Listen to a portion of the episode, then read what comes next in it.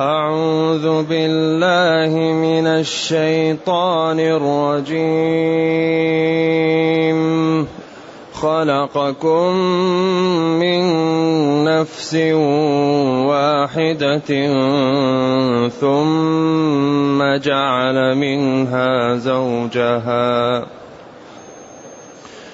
وأنزل لكم من الأنعام ثمانية أزواج يخلقكم في بطون أمهاتكم خلقا من بعد خلق خلقا من بعد خلق في ظلمات ثلاث. ذلكم الله. ذلكم الله ربكم له الملك. لا إله إلا هو. لا إله إلا هو فأنا تصرفون. إن تكفروا فإن الله غني عنكم. فإن الله غني عنكم ولا يرضى لعباده الكفر وإن تشكروا يرضه لكم ولا تزر وازرة وزر أخرى ثم إلى ربكم مرجعكم فينبئكم فينبئكم بما كنتم تعملون إنه عليم بذات الصدور واذا مس الانسان ضر دعا ربه منيبا اليه دعا ربه منيبا اليه ثم اذا خوله نعمه منه ثم إذا خوله نعمة منه نسي ما كان يدعو إليه من قبل وجعل لله أندادا ليضل عن سبيله قل تمتع بكفرك قليلا إنك من أصحاب النار. أمن هو قانت آناء الليل ساجدا وقائما ساجدا وقائما يحذر الآخرة يحذر الآخرة ويرجو رحمة ربه. قل هل يستوي الذين يعلمون والذين لا يعلمون؟ إنما يتذكر أولو الألباب. قل يا عباد الذين آمنوا اتقوا ربكم للذين أحسنوا في هذه الدنيا حسنة. للذين أحسنوا في هذه الدنيا حسنة وأرض الله حسنة وأرض الله. قل يا عبادي الذين آمنوا اتقوا ربكم للذين أحسنوا في هذه الدنيا حسنة وأرض الله واسعة وأرض الله واسعة إنما يوفى الصابرون أجرهم إنما يوفى الصابرون أجرهم بغير حساب.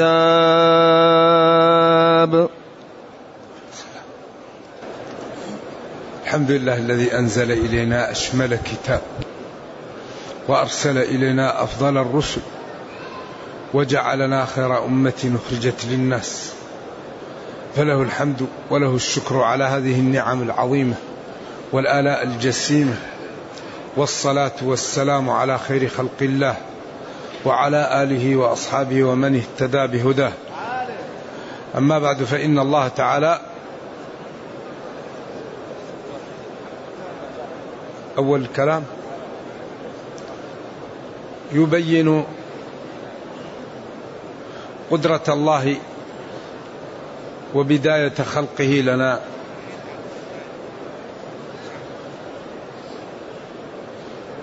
ويوضح تلك الأمور في قوالب تجعل العاقل يحتاط لنفسه قبل أن يفوت الأوان. خلقكم من نفس واحدة. خلقكم من نفس واحدة. اذا من الذي خلقكم؟ الله. هل غير الله يستطيع أن يخلق؟ طيب أفمن يخلق كمن لا يخلق؟ خلقكم أوجدكم على غير مثال سابق. وهذا الخلق أكبر نعمة علينا. لأننا لو لم نخلق لا ندخل الجنة. و الذي لا يخلق عاجز والذي يخلق قادر والذي لا يخلق لا يستحق العبادة. الذي يستحق العبادة من يخلق؟ اذا خلقكم. فالفعل الله والمفعول البشر. خلق الله الناس خلقكم خاطبهم من نفس.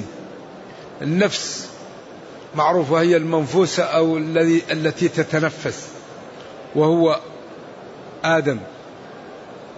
خلقكم من نفس واحدة وهي آدم. ثم ثم حرف يأتي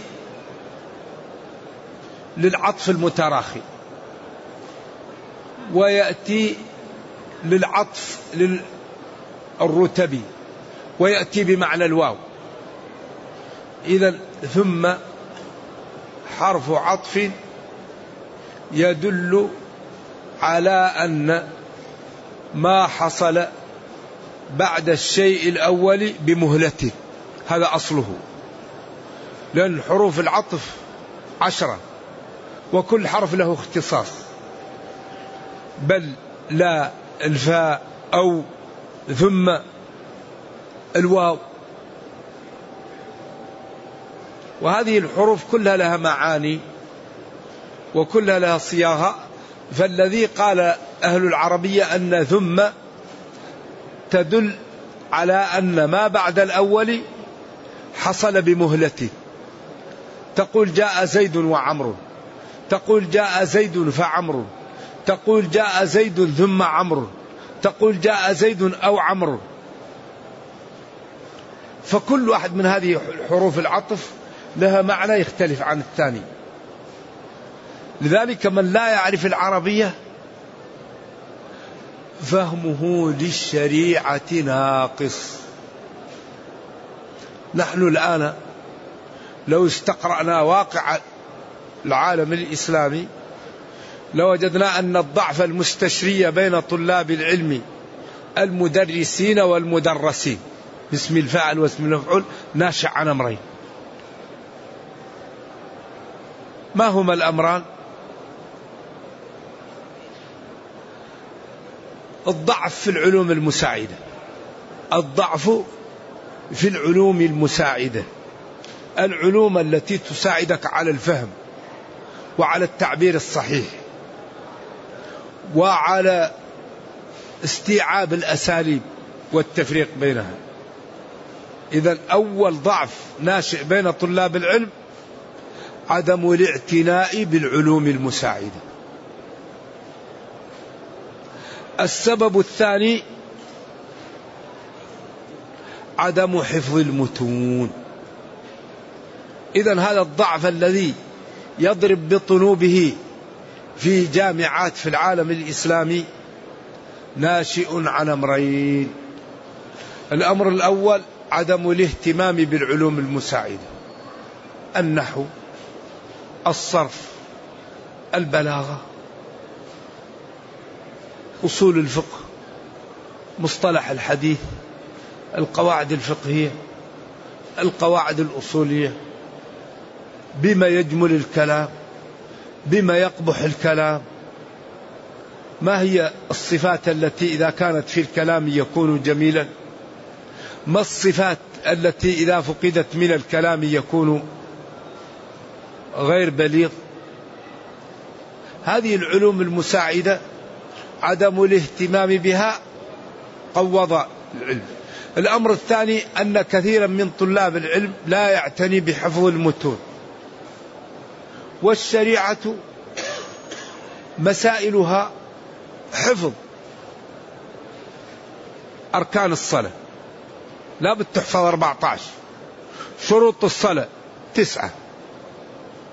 أركان الحج أربعة. محظورات الإحرام سبع. لا بد يحفظ هذا.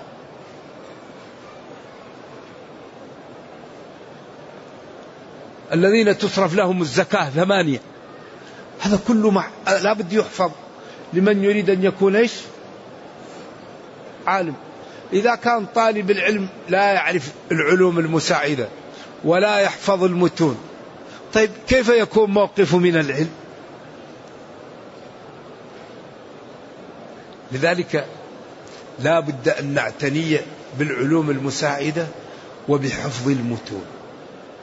ولا بد أن نشيع بيننا البذل للإبداع. نبذل للإبداع. لا بد أن نهتم بالإبداع. كيف العلوم اللي عندنا الآن؟ ما هي الجوانب الناقصة؟ في أبواب في النحو تحتاج إلى مزيد بحث. في مسائل في الأصول تحتاج إلى زيادة. في مسائل في علوم القرآن البحث فيها لا زال ناقص. ليش ما نحاول أن ما وصل إليه من ألفوا نجد الجوانب الناقصة ونكملها حتى نرتقي إيش؟ بالعلم. ولا يكون هذا يأخذ من هذا وهذا يأخذ من هذا. تجد أغلب التآليف الآن هذا ينقل من هذا وهذا ينقل. ما فيه إيش؟ ما فيه إبداع. ما المؤلفات الآن التي فيها إبداع؟ تجدها قلة جدا. من المؤلفات التي أبدع صاحبها الرسالة للإمام الشافعي. الموافقات للإمام الشاطبي. بعض الأبواب في إعلام الموقعين. فيها نوع من عرض جميل. بعض الأمور التي طرحت في مقدمة أضواء البيان وفي كيف بيان القرآن بالقرآن. هذا في نوع من الإبداع. إذا نحن نحتاج إلى من يبدع لنا. الطرح الذي طرحه الشيخ الإسلام بن تيمية رحمة الله عليه في الرسالة التدمرية. كيف رد على هؤلاء بطريق ملزمة وكذلك بعض الأبواب في الجواب الصحيح في من بدل دين المسيح في الرد على النصارى وكذلك منهاج السنة في الرد على الفرق ودرء تعارض العقل مع النقل. هذه الكتب فيها إبداعات. ما كتبه الحافظ بن حجر على البخاري في مقاطع غاية في الجمال ما كتبه ابن رجب. في رسائله. في بعض العلماء كلام النووي رحمة الله عليه مختصر لكن غاية في, في, في, في, في الفائدة. إذا الآية خلقكم من نفس واحدة ثم جعل منها زوجها.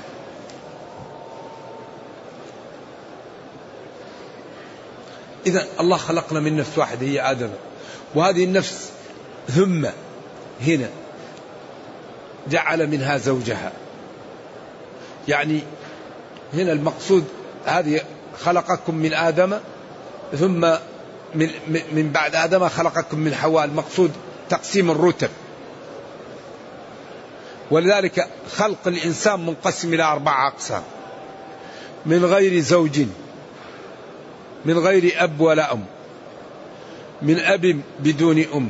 من أم بدون أب من أب وأم. القسمة رباعية. آدم من غير أب ولا أم. حواء من أب من غير أم. عيسى من أم بغير أب. بقية الخلق من أم وأب. قسمة رباعية. ثم أوجد من هذه النفس زوجها وهي حواء خلقها من ضلعها. لذلك تجد المرأة دائما تفكيرها في الرجل لأنها خلقت من الرجل. وتجد الرجل تفكيره في الأرض لأنه خلق من الأرض. الرجل يا يزرع يا يبني يا يمشي يا يحفر. الرجل خلق من الأرض فلذا دائما تفكيره في الأرض. المرأة خلقت من الرجل دائما تفكيرها في الرجل. هكذا.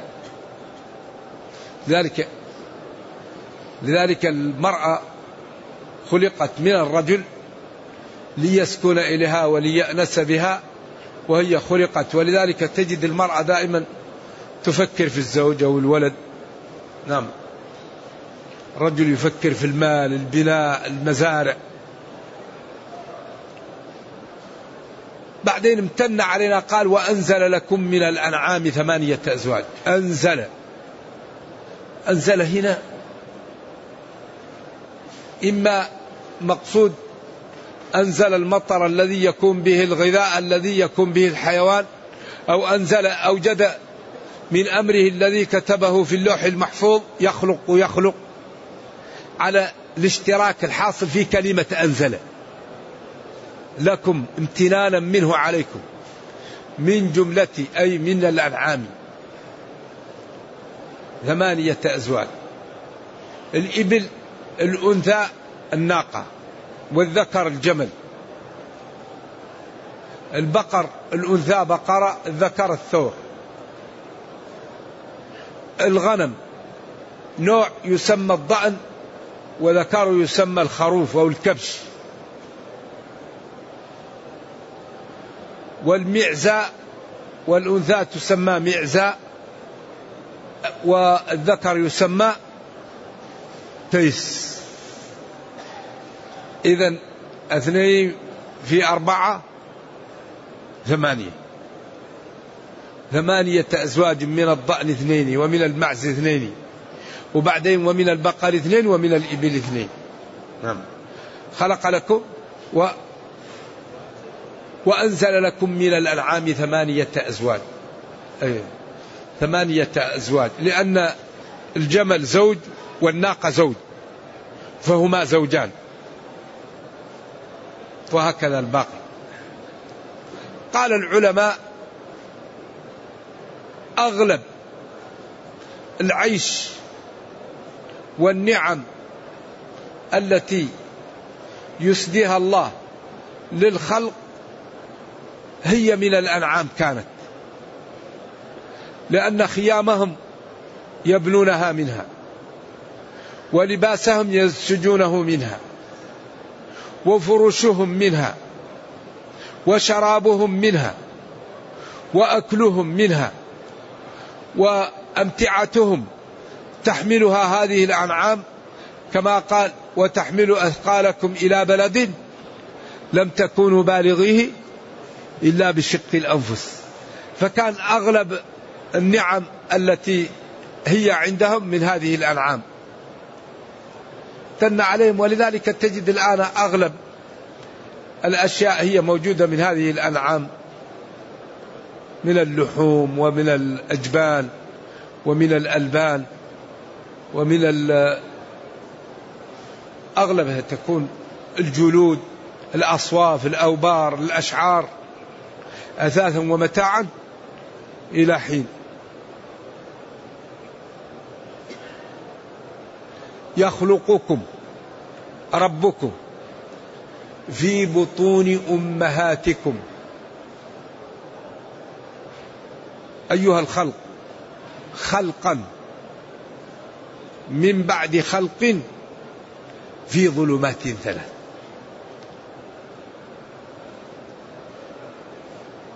أحد العلماء في علم الأجنة جلس في مختبر قرابة ربع قرن خمسة وعشرين سنة ويقال إنه قال اكتشف أطوار خلق الإنسان. فقيل له هذا في القرآن. فلما قرأوا عليه الآية قال لا إله إلا الله محمد رسول الله. أنا قال كم لي سنة وأنا أتابع وأحلل. وهذا رجل أمي لا يقرأ ولا يكتب يعيش في صحراء. كيف يأتي بهذا؟ هذا لازم من الله من الخالق. لذلك كل ما اكتشف المكتشفون اكتشافا نرجع للقرآن ونقول هذا موجود في القرآن. يا حبذا لو اكتشفناه من القرآن قبل أن يكتشفه هم. لكن نحن لا نتدبر القرآن كثير وإلا لو تدبرناه لخرجنا منه. كل ما خرجه أهل المختبرات وأهل التحاليل. خلقكم ربكم في بطون أمهاتكم خلقا من بعد خلق. أول شيء نطفة.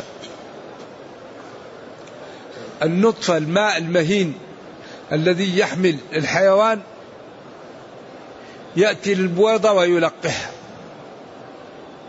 يجري يجري ويلقحها. تكون نطفة. تجلس أربعين يوما. ثم تكون علقة. دم جامد. ثم أربعين يوما وتكون مضغة. ثم أربعين يوم ويأتي الملك وينفخ فيه الروح ويؤمر بكتب أربع كلمات. أربعين وأربعين وأربعين كم؟ أربعة أشهر وعشر. أربعة في ثلاثة كم؟ مئة وعشرين كم؟ أربعة شهور. إذا كمل أربعة شهور على طول يبدأ الجنين. تنفق فيه الروح. ولذلك أعطي للمتوفى عنها عشر أيام زيادة تتحقق فيها الحمل أو عدمه لأنه لابد يبقى النبض في أول يوم ثاني يوم ما يكون واضح. لكن بعد أربعة خمسة أيام يتضح نبض الجنين. قال كذلك والذين يتوفون منكم ويذرون أزواجا يتربصن بأنفسهن أربعة أشهر وعشر. نظام هائل متقن جميل حري بنا أن نبلغ هذا الدين للآخرين. جماله وحسنه وإتقانه يحافظ على الأطهار الفروج وأطهار وعدم اختلاط الأنساب. يعني دين عجيب. إذا يخلقكم في بطون أمهاتكم خلقا من بعد خلق. في ظلمات ثلاث. أول شيء البطن. ثاني شيء الرحم. ثالث شيء المشيمة. المشيمة غشاء زي اللحم. يكون فيه الجنين مليء بالماء ومليء بالمواد. الولد فيه كأنه في, في, في عالم ثاني. وهذه المشيمة التي تحيط بالولد داخلة في الرحم والرحم في البطن. بعدين آلاف العمليات تعمل له وأمه تفرح وتمرح وتنام وقد تقع في المعاصي. كم عملية؟ شوف الأصابع بعيدة من بعض. والإبهام بعيد. بعدين مشدودة بالأظافر.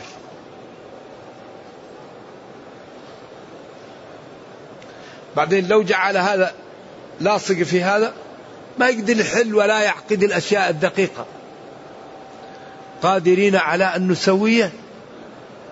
ليست البصمة لا لا. بعضهم يقول بنانه البصمة وهذا إعجاب لا لا. أن نسوي بنانه أن نجعل يده كيد البعير. الأصابع مستوية مقرونة مع بعض. ما في فصل بينهم. متساوية. ما يقدر يحل ولا يعقد. بعدين كم عملية في العين؟ صبغ أسود. وصبغ أبيض. وبعدين مليئة بمادة. بعدين تنظر لك وترى بها. بعدين مجعولة وراها هنا شحمة تمدها عشان ما تنشف. وبعدين أعطاك هذا الغطاء. إذا جاك أي شيء تغطيها عشان ما يدخل فيها حصى أو شيء. عندها غطاء عجيب. بعدين غطى لين وسهل وجملها بهذا الشعر وجعل فوقها شعر وأعطاك هذا الأنف وجعله بهذه الطريق وجعل في آخره مادة لزجة تمنع الغبار والمشاكل أن تدخل في رئتك. في مادة أي شيء جاء صفاي فلتر. أي شيء يأتي للرئة هي تصفيه.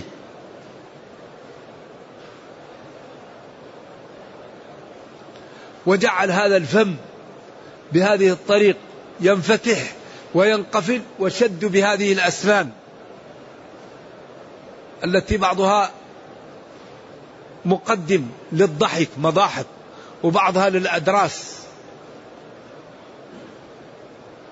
تدق بها الطعام وأعطاك هذه اللحمة وجعل تحتها عين عذبة تجملك على قدر الحاجة وأعطاك البيان. وفي أنفسكم أفلا تبصرون. وبعدين جعل هذه الأعضاء يمكن تطبقها كلها وتدخل مع محل ضيق. لو كان الجسم ما يتطبق ما تقدر تطلع مع باب اثنين ما يقدروا يطلعوا. شوف محل مزدحم وكل واحد يمشي وهذا ينحني. أعطاه سرعة التحرك وسرعة الانطواء. وشد أسره نحن خلقناهم وشددنا أسره ما يقولوا مسكين فلان جرى البارح وسقطت رجله أو نام وسقطت أذنه. شددنا أسره والكرش الضعيفة جعل العيون تحرسها لأن الكرش أي شيء يمكن يشقها. هذا الكيس مسكين. شوف العيون دائما حارسته أمامه شوف. واليدين. والظهر اللي ما عنده عيون جعله قوي يتحمل. يتحمل الركل ويتحمل الدف. أما الكرش الضعيفة أعطاها العيون أمامها تحرسها قدرة قدرة هائلة. وهذه الأذن المفتوحة جعل فيها مادة كل ما قرب منها الحشرات تهرب. فيها مادة تنفذ مادة تزعج الحشرات تنفر منها.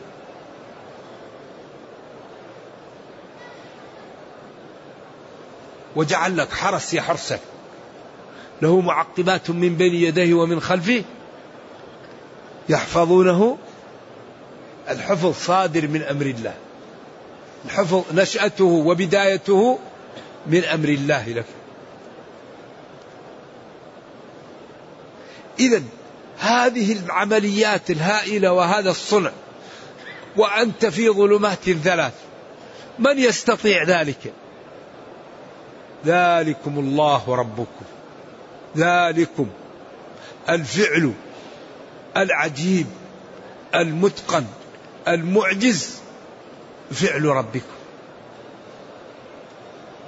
لا إله إلا هو له الملك.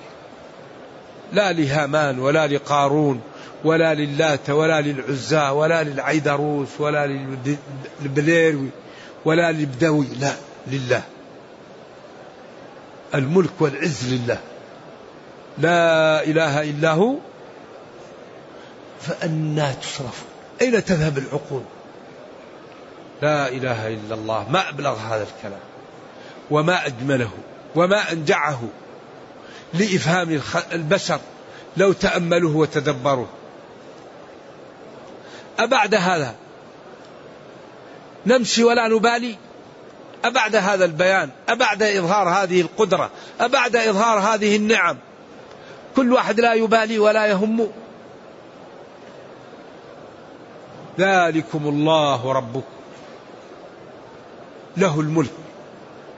ذلكم الله ربكم. لا هامان ولا قارون ولا فرعون ولا اللات ولا العزى. له الملك المطلق الذي لا وراء وراءه. فأنا تصرفون أين تذهب عقولكم عن هذه الحجج وهذه البراهين وهذه الأدلة الساطعة التي لا تجعل للعاقل لبسا؟ فلذلك ينضوي تحت شرع الله ويلتزم الأوامر ويجتنب النواهي فيسعد في دنياه ويرحم في أخراه ويكلأه ربه ويحفظه ومن أراده بسوء حماه الله. الذي يكون عبدا لله الله يحميه. الذي يكون عبدا لله الله ينصره. الذي يكون عبدا لله الله يغنيه. ما الذي نريد؟ إن أردنا مالا أغنانا. إن أردنا عزة أعزنا إن خفنا نارا أبعدنا منها إن أردنا أي شيء الله يعطيه لأنه غني وكريم ولا يضيع أجر من أحسن عمله. إذا لماذا نحن لا نمارس ديننا ونذهب مع الطريق التي تورثنا العزة في الدنيا والرحمة في الأخرى. لماذا؟ ما السبب؟ ما هو السبب؟ يقول عدم القيام بالأسباب. عدم القيام بالأسباب. عمر رضي الله عنه وعنا يقال إنه وجد شابا جالس في المسجد وقت العمل. وبين قوسين كان الفقهاء يقولون من جلس في المسجد وقت العمل فقد ألحف في السؤال. الفقهاء يقولون هذا. يقول من جلس في المسجد وقت العمل إيش؟ قالوا الحف في السؤال. لأنه هو مسلم وقت العمل جالس في المسجد. ينبغي أن الناس يعني يعني إخوانه يفطنون له ولا يتركونه. فلذلك عمر وجد شاب وقت العمل جالس في المسجد فنهره وقال له قم إن السماء لا تمطر. ذهبا. قم اشتغل. قالوا من ينفق عليه؟ قالوا أخوه. قال أخوه أحسن منه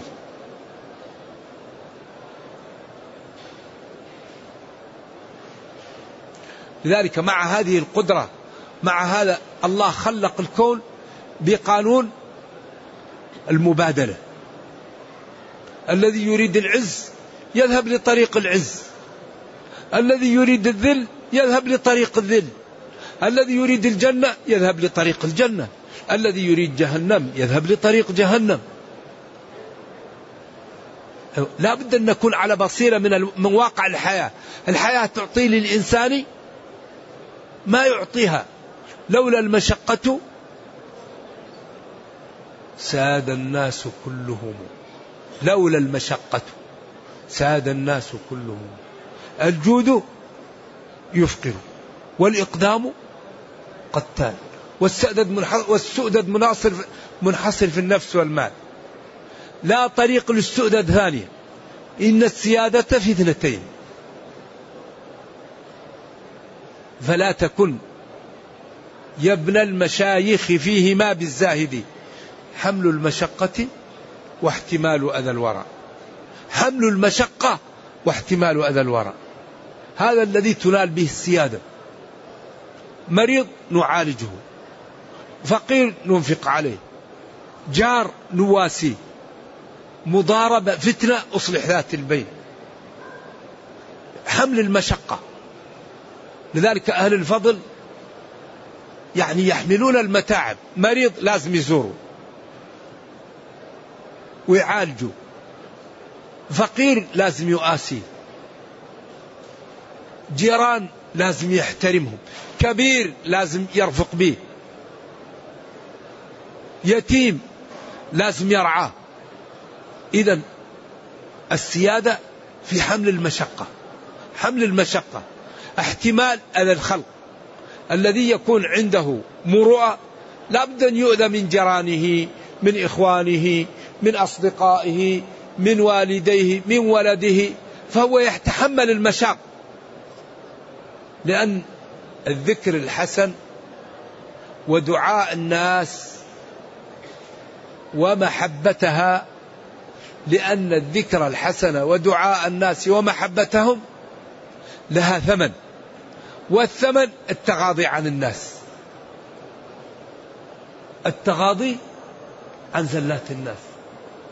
أما الذي إذا عمله الشخص شيء عمله له لا يكون أحسن من الناس.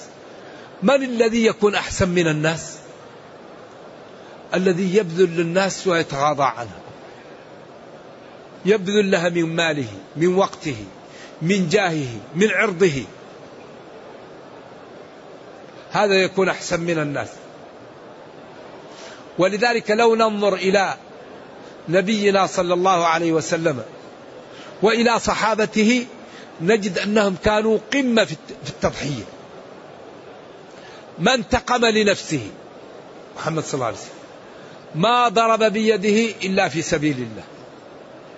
ما جاءه شخص يريد شيء وقال له لا.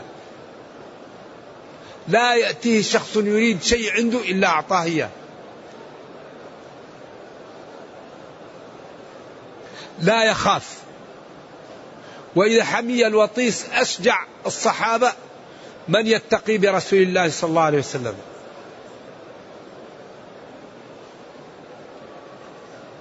يفرح إذا نال أي مسلم خير. تتطلق أسارير وجهه كعب بن مالك قال لما جئته توبة الله لي ووجدت وجهه كأنه قمر لفرحه بتوبة الله على كعب.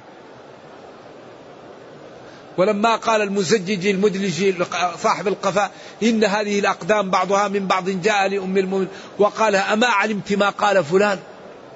لأسامة وزيد كانوا غطيا رؤوسهم وأرجلهم مع بعض. قال هذه الأقدام بعضها من بعض. فرح بذلك. لأن اللون كان يختلف. لون زيد رضي الله عن الجميع. فكان كل خير ينال مسلم نبينا يفرح به. لذلك كان صلوات الله وسلامه عليه أفضل الخلق لما اتصف به من الصفات الحميدة. والعكس إذا كان الإنسان مليء بالصفات الذميمة يكون إيش؟ من أخص الخلق ولذلك أخص المخلوقات إبليس. لأن فيه الحسد وفيه الكفر وفيه الأذية وفيه الحقد وفيه المكر وفيه فلذلك أصبح إبليس أعوذ بالله. لذلك الحقيقة ديننا أعطى لنا معالم واضحة جيدة لو سلكناها لا عزنا في دنيانا ولا رحمنا في أخرانا.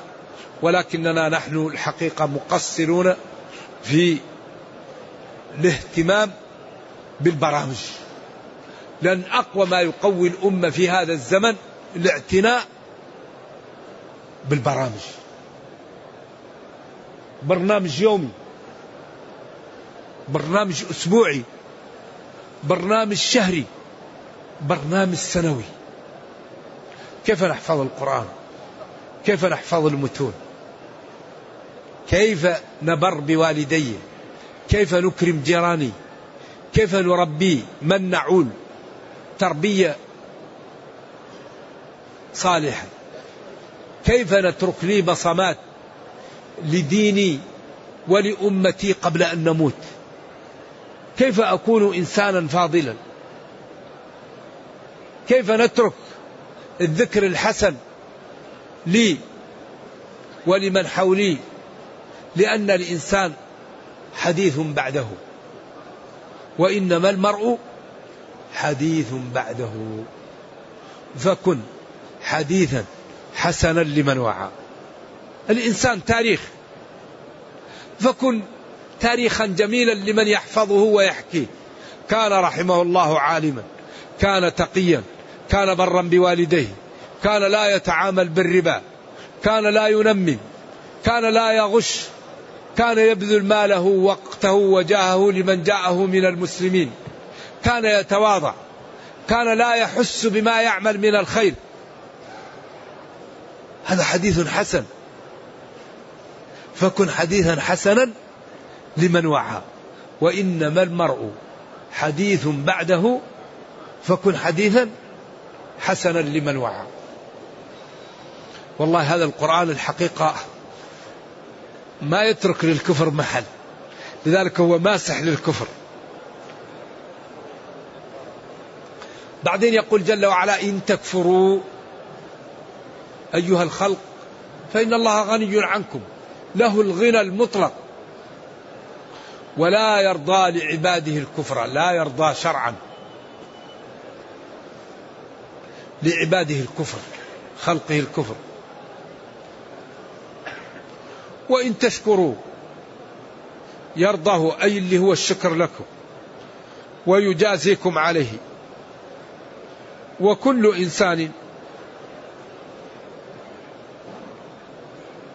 وما أراد لنفسه والسابقة لا يعلمها إلا الله والعبد مخبوء عنه ذلك فما ترك من العمل باختياره وبقصده والسابقة مخبوءة وكل منا لا يعلمها فيعمل ويخاف ويسأل الله التثبيت والاستقامة وأن لا يجعله من الأشقياء وهذا الذي نملك.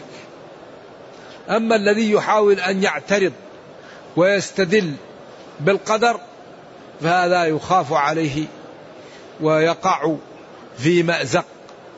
كما قال أبونا ونبي الله آدم لموسى. لما قال له أنت آدم أبو البشر خيبتنا وأخرجتنا من الجنة. قال أنت موسى كريم الله تلومني على أمر قد كتبه الله قبل أن أخلق بأربعين سنة فحج آدم موسى فحج آدم موسى. قالوا القدر يستدل به على المصائب لا على المعائب ولذلك الرجل الذي سرق وأتى عمر به ليقطع يده قال لعمر كيف تقطع يدي؟ وربي قد قدر علي السرقة قال كيف تعترض علينا؟ وربنا قد قدر علينا قطع يدك لذلك لا يستدل بالمعايب على القدر. ولذلك واحد جاء واحد وأعطاه كف على طول يعطيه كف ويقول له هذا قدره الله هذا قدره الله. لكن إنسان راح و, و يعني تزحلق وسقط على إنسان حتى كسره هذا قضاء وقدر. أيوة يستدل بالقدر على إيش؟ المصائب. شيء ما قصده الإنسان. أما الذي قصده الإنسان هذا يقام عليه الحد وهذا قدر وهذا قدر. فلذلك لما استشكل الصحابة هذا الأمر وزلزلهم لما نزلت آية الحديد ما أصاب من مصيبة في الأرض ولا في أنفسكم إلا في كتاب من قبل أن نبرأها. بعدين قال إن ذلك على الله يسير لكي لا تأسوا على ما فاتكم ولا تفرحوا بما قالوا يا رسول الله ففيما العمل؟ ما دامت طويت الصحف وجفت الأقلام. قال اعملوا اعملوا اعملوا فكل ميسر لما خلق له اعملوا. الرجل قال له أعقل الناقة أو أقيدها أو أتوكل. قال له ما لا أعقلها وتوكل. الواحد يصلي ويقول اللهم ارحمني. يغض بصره. ويقول اللهم ارزقني الورع. يتصدق ويقول اللهم ارزقني الإخلاص وتقبل مني. يتزوج ويقول اللهم ارزقني الذرية الصالحة. يبيع ويشتري ويقول اللهم اغنني. يقوم بالأسباب ويسأل الله ويتكل على الله. هذا الدين. أما الذي لا يقوم بالأسباب هذا يسمى تواكل. لأن الله أمر تعاونوا. أقيموا الصلاة آتوا الزكاة فمن شهد منكم الشهر فليصمه وبالوالدين إحسانا وافعلوا الخير لعلكم تفلحون. لا تقربوا الزنا. ذروا ما بقي من الربا. لا يغتب بعضكم بعضا. لا تنابزوا بالألقاب. لا يسخر قوم من قوم. هذه أعمال اعملوا. ذلك المشكلة الكبيرة التي تعيش هذه الأمة المرحومة أوامر معطلة ونواهي منتهى. هذا الذي قوض العالم. أوامر معطلة. تعاونوا. غضوا. كونوا مع الصادقين. اثبتوا. فلينفق ذو سعة من سعته افعلوا الخير. ولا تنازعوا. لا يغتب بعضكم بعضا. لا يسخر قوم من قوم. لا تقربوا الزنا. إذا مشكلة الأمة أوامر معطلة ونواهي ممتازة إذا نحن نحتاج إلى مؤسسات تشيع بين المسلمين خطورة تعطيل الأوامر وما تسببه للأمة من المعوقات. وخطورة انتهاك المحرمات وما تسببه للأمة من دمار. أنهلك وفينا الصالحون؟ قال نعم إذا كثر الخبث. واتقوا فتنة لا تصيبن الذين ما أحوجنا لدورات مكثفة. كيف الإنسان يكتسب التقى؟ كيف الإنسان يكتسب العفة؟ كيف الإنسان يكتسب الأدب؟ كيف الإنسان يكتسب الشجاعة؟ كيف الإنسان يحسن أخلاقه؟ دورات مكثفة دورة ثلاثة أيام. دورة في الأخلاق دورة في الأدب دورة في طريق طلب العلم. دورة في, في التأدب مع ضعاف المسلمين. نبينا كان يهتم بضعاف المسلمين لأن ربه يقول له واصبر نفسك مع الذين يدعون ربهم بالغداة والعشي يريدون وجهه ولا تعد عيناك عنهم تريد زينة الحياة. بعض الناس يفرح أن يكون جلساء ضعاف. بعض الناس ينزعج إذا رأى الضعاف حوله. يحب يكون حوله إيش الوجهاء. ولذلك الدنيا والآخرة بينهم نوع من التضاد. فالذي يريد الآخرة يتواضع يستقيم يكرم الضعاف يحترمهم يساعدهم. لذلك الله بين اصبر نفسك. ولا تمدن عينيك إلى ما متعنا به أزواجا منهم زهرة الحياة الدنيا. إيش؟ لنفتنهم فيه. أول من يدخل الجنة الضعاف. الفقير ما عنده شيء. الفقير المستقيم على طول يدخل. الغني المستقيم مسكين كم يوقف؟ الذهب الفضة. الأنعام الدور المزارع كم؟ ولذلك بعض الناس الآن كل ما كان يطالب أحد بشيء يقول أسامحه. قالوا ليش تسامحه؟ يقول أخاف يوم القيامة أني إذا ما سمحت نوقف عند الصراط حتى يأتي ونأخذ حقي منه. كل الناس نسامحها. يقول عشان ما نتعطل يوم القيامة. أي حق لي أنا أسامح فيه. عشان إذا جئت يوم القيامة الحقوق اللي لي كلها ما نتعطل عليه. والذي يسامح الله يسامحه لأن الله كريم ولا يضيع أجر من أحسن عملا. لذلك هذه الحياة خطر. والله هذه الدنيا غاية في الخطورة. خطر خطر. لعب وزينة وتفاخر. وتكاثر في الأموال والأولاد. زوالها واخضرارها كمثل غيث أعجب الكفار نباته ثم يهيج فتراه مصفرا. ثم يكون حطام يتكسر. وفي الآخرة عذاب شديد ومغفرة من الله ورضوان. وفي الآخرة عذاب شديد لمن حملق في الحرام. تكلم بالحرام. سخر من المتقين. أرابا عق والديه. سخر من الدين. ولم يصلي ولم يزكي ولم يصم. وجعل الدين إنه شيء يتغلب به الاقوياء على الضعاف أفيون الشعوب.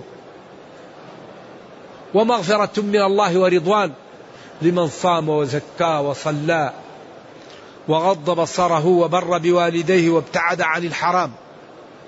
وما الحياة الدنيا إلا متاع الغرور. وما الحياة الدنيا؟ نعم. بعدين يقول سابقوا إلى مغفرة من ربكم. سابقوا. والله لا عذر لنا بعد هذا البيان. وإن تشكروا.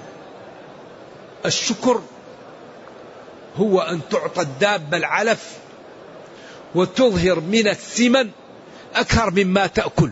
يقال لها دابة شكور. إذا الشكر أصله في اللغة أن تظهر الدابة من السمن أكثر مما تأكل من العلف. ثم استعمل في كل من يبادر الإحسان بالإحسان يقال له شكور. ولذلك في الأحاديث من عمل لكم معروفا فكافئوه. وربنا ضمن قال لئن شكرتم لأزيدنكم. وقال نبينا صلى الله عليه وسلم لما قالوا له أنت غفر لك ربك ما تقدم من ذنبك وما تأخر. فلم تتعب نفسك حتى تتورم قدماك وتتفطر؟ قال أفلا أكون عبدا شكورا. دين ولذلك من العيب أن يسدي المسلم للمسلم نعمة ولا يشكرها. فإن استطاع أن يكافئها له عينا فليكافئ وإن لم يستطع فليدعو له حتى يرى أو يرى أنه قد كافأها قل اللهم اجزيه بالخير. ومكافأة النعم ذكرها. والدعاء لصاحبها والمكافأة عليها. أما إذا كان القضية قضية يعني صدقة أو زكاة الزكاة لا منة فيها. الزكاة لا منة فيها لأنه حق واجب للفقير حق له. أعطاه الله له. إنما الصدقات للفقراء. ولذلك لا ينبغي لمن يزكي للذي يزكي أن يجعلها وجاهة أو فضل على على الفقير. لا. ولا ينبغي أن ينمي ماله بالزكاة فلا يعطي الزكاة لوالديه ولا لزوجه ولا لمن تجب عليه نفقتهم وإنما يعطيها لأقربائه الذين لا تجب عليه نفقتهم ويقول لهم هذه زكاة حتى لا يكون له منا عليهم.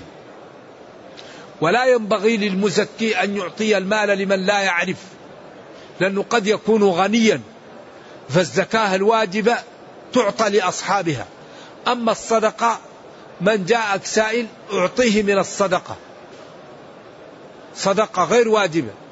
أما الواجبة لا تعطيها إلا لمن علمت أنه فقير.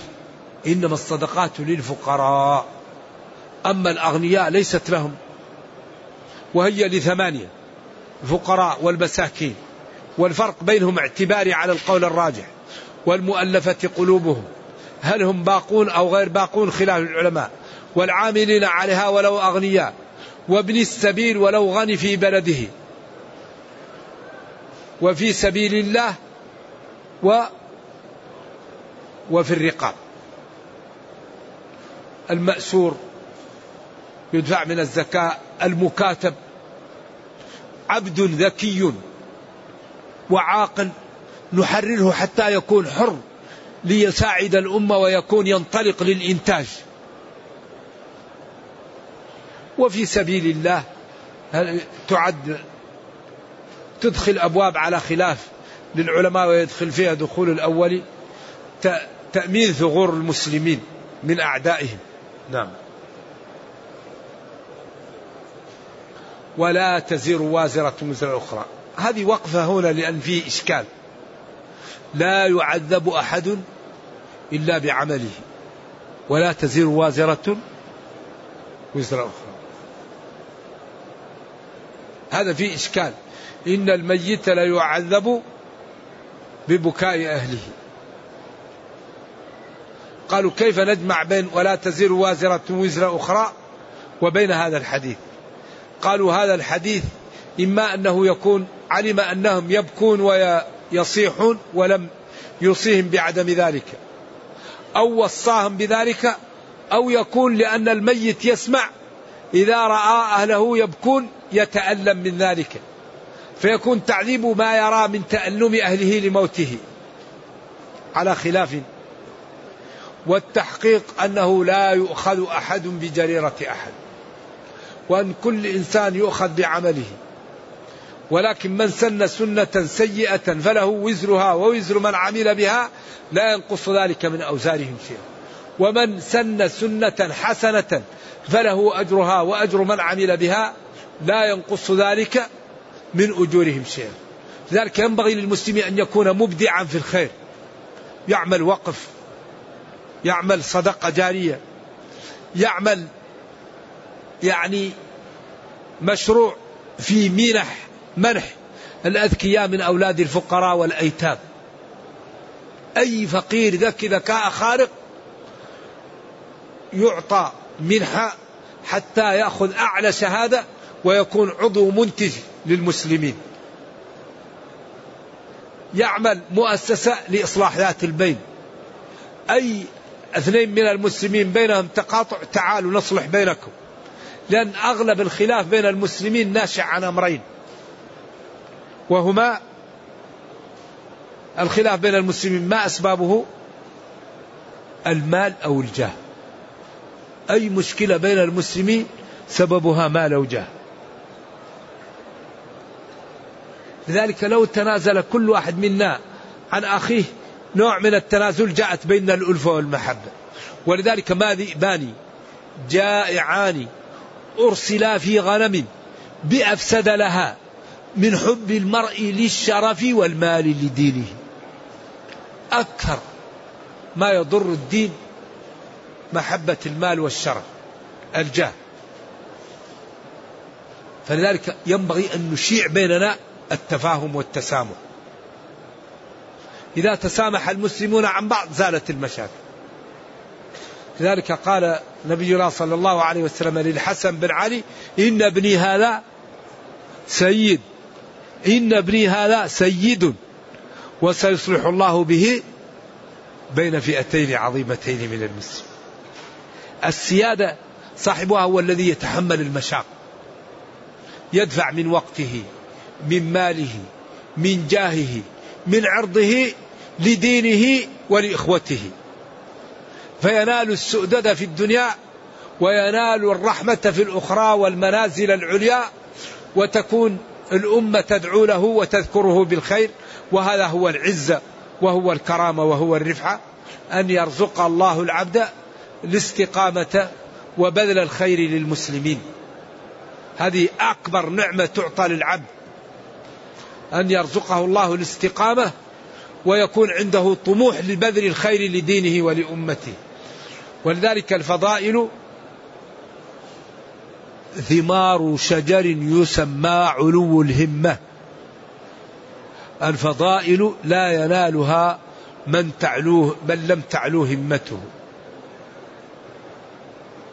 لا يحمل الحقد من تعلو به الرتب ولا ينال العلا من طبعه الغضب. ذلك دين دين رائع الإسلام الحقيقة. وبين لنا ونحن في هذا الشهر حري بنا أن نجتهد. نعم. ثم إلى ربكم رجوعكم فينبئكم بما كنتم فيه تختلفون. ثم إلى ربكم مرجعكم رجوعكم ومآلكم. في فيخبركم بعملكم أو بالذي كنتم تعملونه. وهذه هي النتيجة هذا هو ثقل الكلام. إذا اعملوا انتبهوا افعلوا لا تفعلوا النهاية رجوعكم إلى الله وسيجازي كلا بعمله. هذا ثقل الجمل كل واحد سينال ما عمل. كل إنسان ألزمناه طائرة. اقرأ كتابك. والله دين عجيب. نعم مش بعد هذا؟ إنه عليم. بذاته.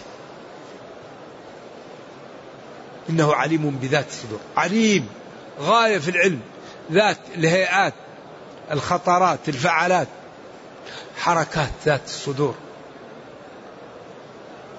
إذا الخلاص الإخلاص. الخلاص بالإخلاص. الحل الاستقامة الحل صلاح النية. الحل التخطيط من بدري على النجاة. الحل البعد عن موارد العطب. الحل الاجتهاد في معالي الأمور في الطاعات في الخير. البعد عن موارد العطب.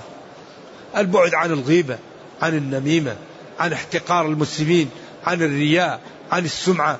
عن الربا عن أذية الجيران عن عقوق الوالدين عن التكبر عن التجبر عن المشي في الأرض مرحا. اذا الحل يمشي الإنسان ويبشر بالخير. نعم. ثم بين ضعف الإنسان وأنه يتقلب وأن من طبيعته الميول عن الخير وإذا مس الإنسان وإذا مس الإنسان وإذا مس الإنسان ضر دعا ربه منيبا إليه. يعني إذا مسه المرض أو الفقر أو الجوع أو الخوف قال يا ربي يا ربي يا ربي. فإذا خوله أعطاه ومنحه نعمة منه نسي ترك ما كان يدعو إليه من قبل. وجعل لله أندادا. بعدين قام بأمر خطير. وجعل لله أندادا. إذا هذا الإنسان أغلبه مجبول على اللؤم مجبول على الكفر مجبول على الهلع. إن الإنسان خلق هلوعا. الهلوع إذا مسه الشر جزوع وإذا مسه الخير من. إلا المصلين. الصلاة تنهى عن الفحشاء والمنكر. نعم. فإذا أعطاه نعمة وخوله ترك ما كان يدعو الله وما كان يوحده وجعل لله أندادا أصناما ومعبودات غير الله. قل لهم يا نبي أو قل لهؤلاء تمتع ليضل عن سبيل الله ليضل عن سبيله جعل لله أصناما وأندادا ليضل عن طريق الله التي أمره بسلكها. قل له تمتع. أمر تهديد وتخويف بكفرك. تمتع بهذا الكفر وتقوى به. إنك من أصحاب النار. أعوذ بالله. تمتع بكفرك. أيوة. قليل لأن قل متاع الدنيا قليل.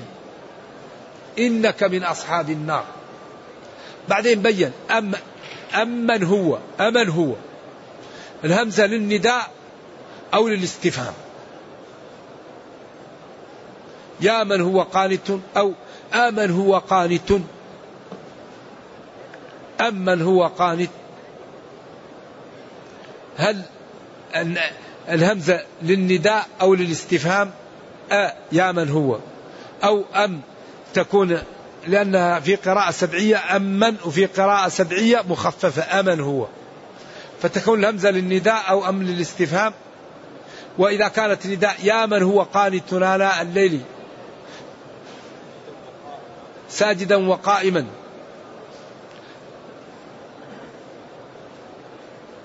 لك من الفضل والخير ما لم يكن لمن هو واقع في الحرام. أو يكون أمن يفعل ذلك. كمن يفعل المعاصي لا يستويان عند الله.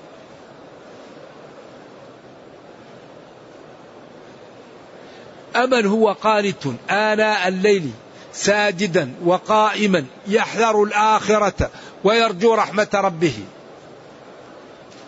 كمن هو غارق في معاصي الله وفي النوم وفي اللعب وفي الكفر والطغيان؟ لا يستويان. بعدين طوى النتيجة لفهمها من السياق فقال قل هل يستوي الذين يعلمون والذين لا يعلمون. إنما يتذكر أولو الألباب. هل أي لا يستوي.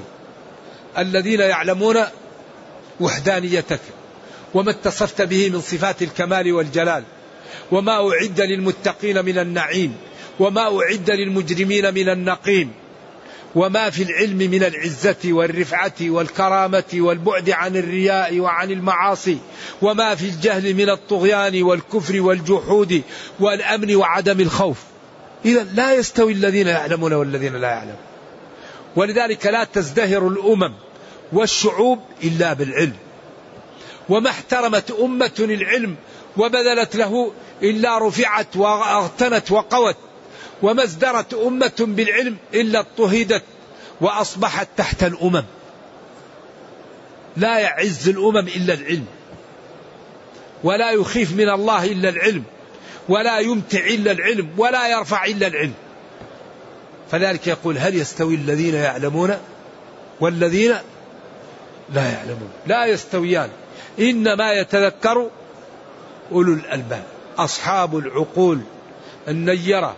وأصحاب الحاسيس الجياشة هؤلاء هم الذين ينفع فيهم هذا التوجيه وهذه العلم وهذا التشريع وهم الذين يرتفعون به وهم الذين يعطون وقتا لدينهم ولأمتهم فيرفعون أنفسهم ويرحمهم ربهم ويعزون دينهم وأمتهم.